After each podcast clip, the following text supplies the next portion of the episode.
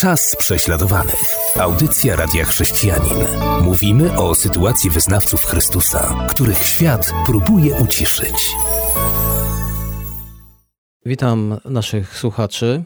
Dzisiejsza audycja będzie poświęcona i to za chwilę się dowiemy. A teraz też witam Macieja, który jest prezesem Stowarzyszenia Głos Prześladowanych Chrześcijan, który powie nam, jak dobrze jest spojrzeć na ten temat, który w tej chwili absorbuje nas tak i również media. Ja również witam serdecznie naszych słuchaczy. Witam Ciebie, Robercie. Tak, rzeczywiście będziemy dzisiaj mówili o wojnie na Ukrainie, ale nie z punktu widzenia politycznego, nie będziemy omawiali najnowszej sytuacji na froncie. Chciałbym nas zachęcić do tego, byśmy jako chrześcijanie, ale być może jeśli słuchają nas osoby niewierzące, to również zachęciłbym do uwagi, bo to, o czym powiem, myślę, ma uniwersalny wymiar i w swej istocie jest do zastosowania przez każdego, a przynajmniej każdy powinien próbować tą drogą pójść, drogą wskazaną przez Chrystusa, bo w takiej sytuacji, w jakiej się znaleźliśmy, nie z własnego wyboru, zostaliśmy w to wrzuceni, mogą nami targać różne emocje, możemy mieć różne myśli, podejmować różne działania, wypowiadać różne słowa. I bardzo ważne jest to, i tu zwrócę się przede wszystkim do chrześcijan, abyśmy jako uczniowie Chrystusa przyjęli Jego perspektywę, tę duchową perspektywę wojny na Ukrainie. I chciałbym zacząć od takiego słowa zachęty, mówiącego o zaufaniu,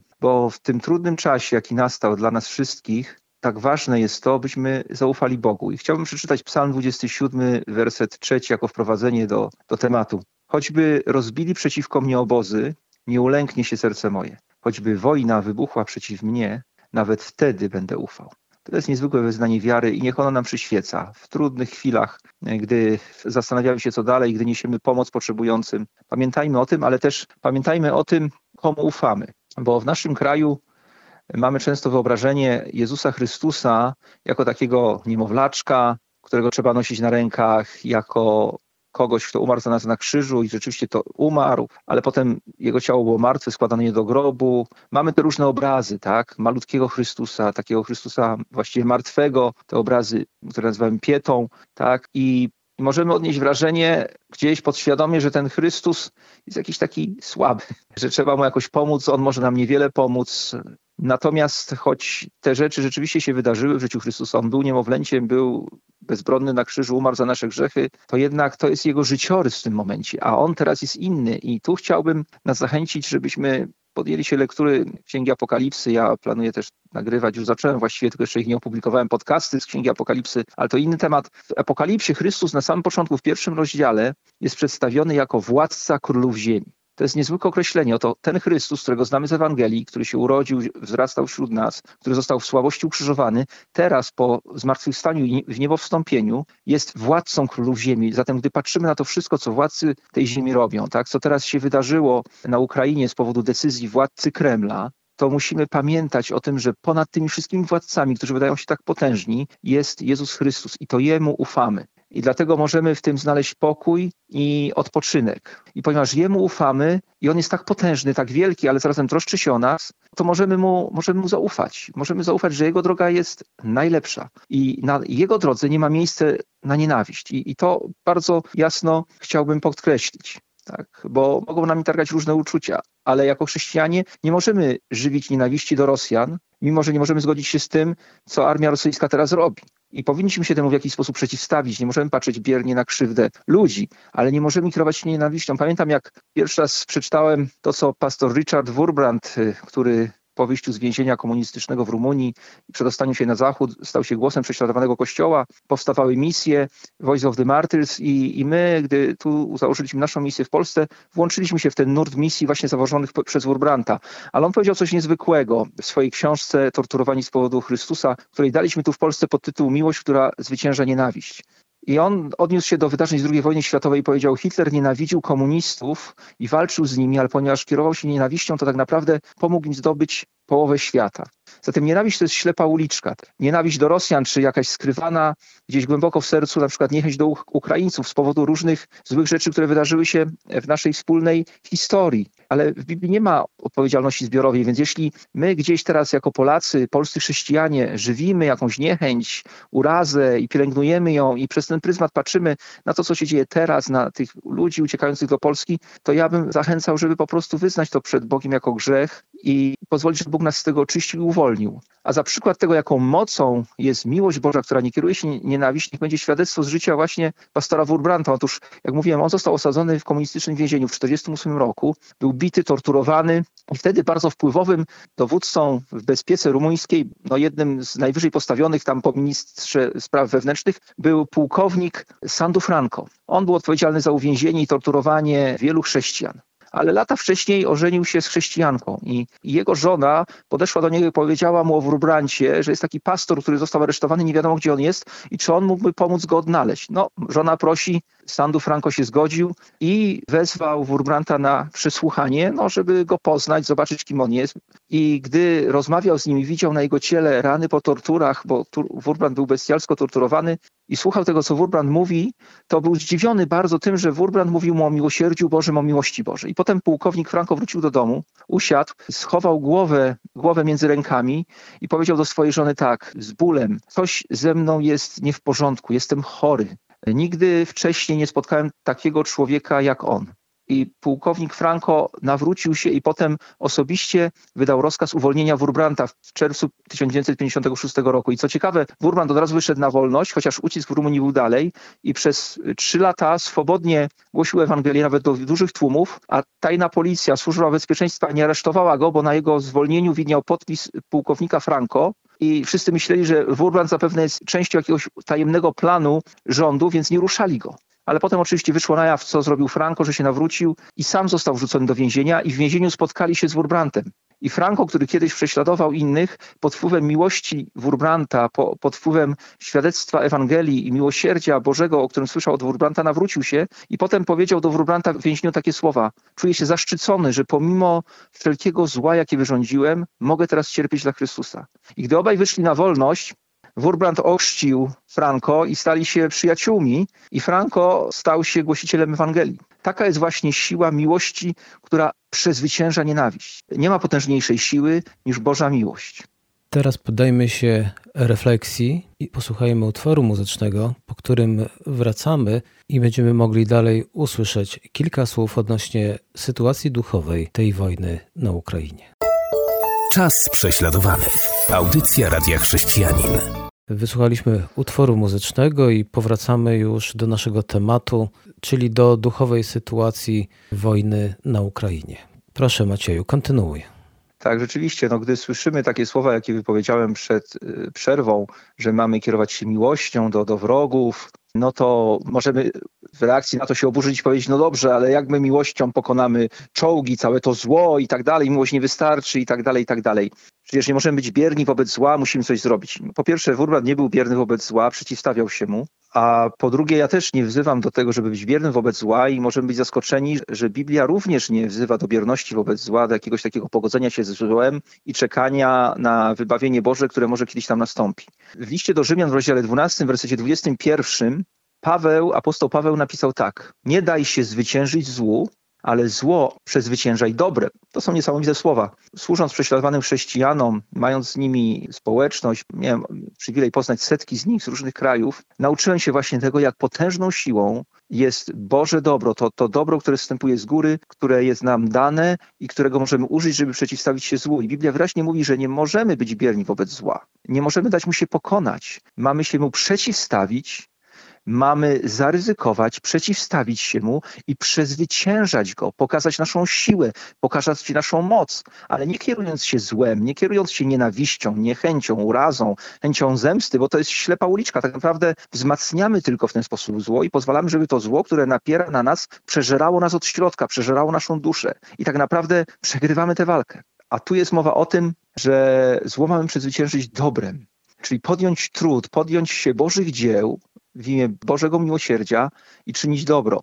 Przypomina mi się tutaj historia właśnie z życia Sabiny i Richarda Wurbrantów, jak oni, gdy Sowieci zajęli Rumunię, a jak wiemy, Rumunia była w czasie wojny nazistowska i naziści prześladowali Wurbranta i Sabinę i groziła im też deportacja do obozu koncentracyjnego, bo byli Żydami, ale też prześladowali ich, bo byli chrześcijanami. I potem Rosjanie wkroczyli i naziści musieli się ukrywać. Wojska nazistowskie poszły w rozsypkę, niektórzy nie zdążyli uciec i się ukrywali.